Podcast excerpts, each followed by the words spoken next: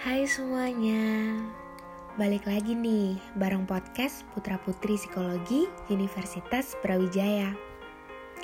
Kali ini kalian bakal ketemu suara baru. Pasti di awal pada nanya, ini suaranya siapa ya? Kok beda? Ini orang baru atau siapa? Boleh dong kalau aku kenalan dulu. Perkenalkan, nama aku Dina Trivia. Kalian bisa panggil aku Dina atau Nana. Dan aku di Putra Putri Psikologi Brawijaya sebagai Putri Persahabatan 2019. Salam kenal ya semuanya. Pada kesempatan kali ini, aku yang bakal temenin kalian buat beberapa waktu ke depan. Nah, topik yang bakal kita bahas di podcast kali ini Mungkin teman-teman udah gak asing lagi karena topik ini juga populer.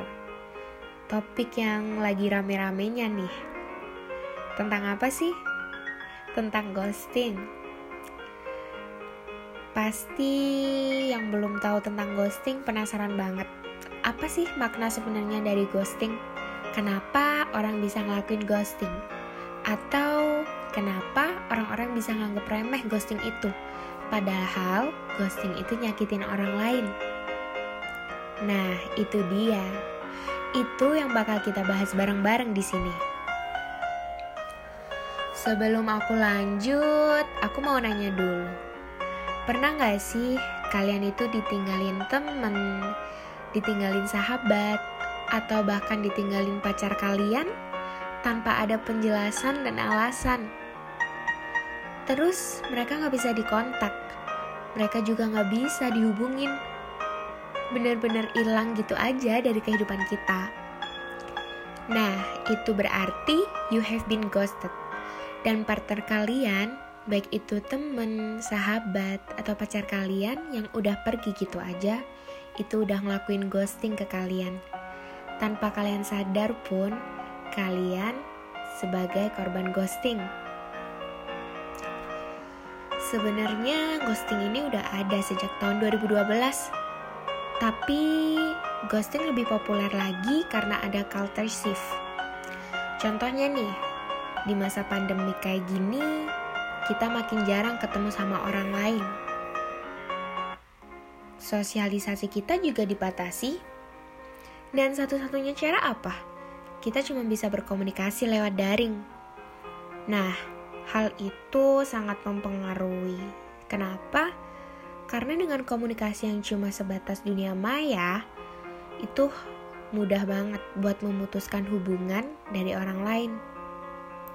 Yang jadi pertanyaan kenapa? Kenapa sih kita bisa mudah banget mutusin hubungan dengan orang lain di dunia maya?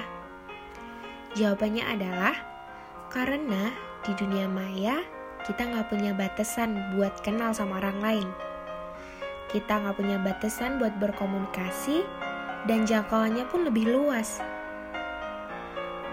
Jauh, dekat, sama aja di dunia maya.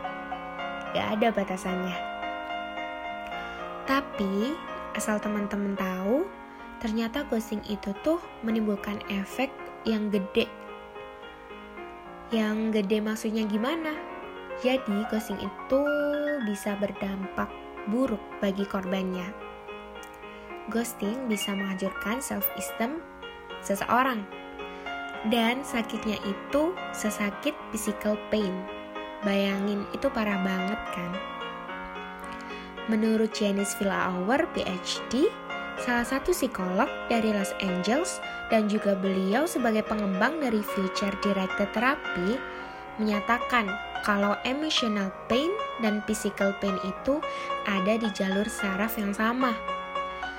Di sini juga banyak penelitian yang menunjukkan kalau social rejection atau biasa kita kenal sebagai penolakan sosial itu dapat menyebabkan rasa sakit yang sama ketika kita cedera pada tubuh atau fisik kita. Itu mengaktifkan bagian otak yang sama. Jadi bisa disimpulin dong, kalau kita tersakiti secara emosional, berarti kita juga tersakiti secara fisik. Betul banget, karena otak kita bagian otak kita yang sama itu yang bisa memproses tentang sakit secara emosional dan sakit secara fisik. Terus gimana nih caranya supaya kita bisa menghindar dari ghosting itu sendiri? Atau supaya kita nggak ngelakuin ghosting? Gini nih, salah satu caranya. Bisa dengan kalian kenali diri kalian sendiri. Kayak contohnya, kalian harus paham dan kenal sama diri kalian sendiri. Selain itu, kalian juga harus tahu gimana seseorang memperlakukan kalian. Dari dari sudut pandang mana seseorang memperlakukan kalian. Kalau seandainya dalam hubungan itu kalian merasa ada tanda atau ada kode yang mengindikasikan kode itu kalau hubungan kalian gak cocok, hubungan kalian udah gak sehat, please kalian gak boleh anggap remeh itu. Kalau kalian anggap remeh itu, siap-siap aja kalian bakal kena ghosting. Hmm, ada contoh lain nih, misalnya dalam romantic relationship. Coba kalian kenali dulu, gimana sih keyakinan kalian? Nilai apa yang kalian cari dari hubungan ini? Atau gimana sih tipe orang yang cocok sama kalian? Dan juga gimana bahasa cinta kalian? Karena kalian harus ingat, relationship itu hubungan satu individu dengan individu lain. Relationship itu bukan cuma ada diri kalian sendiri.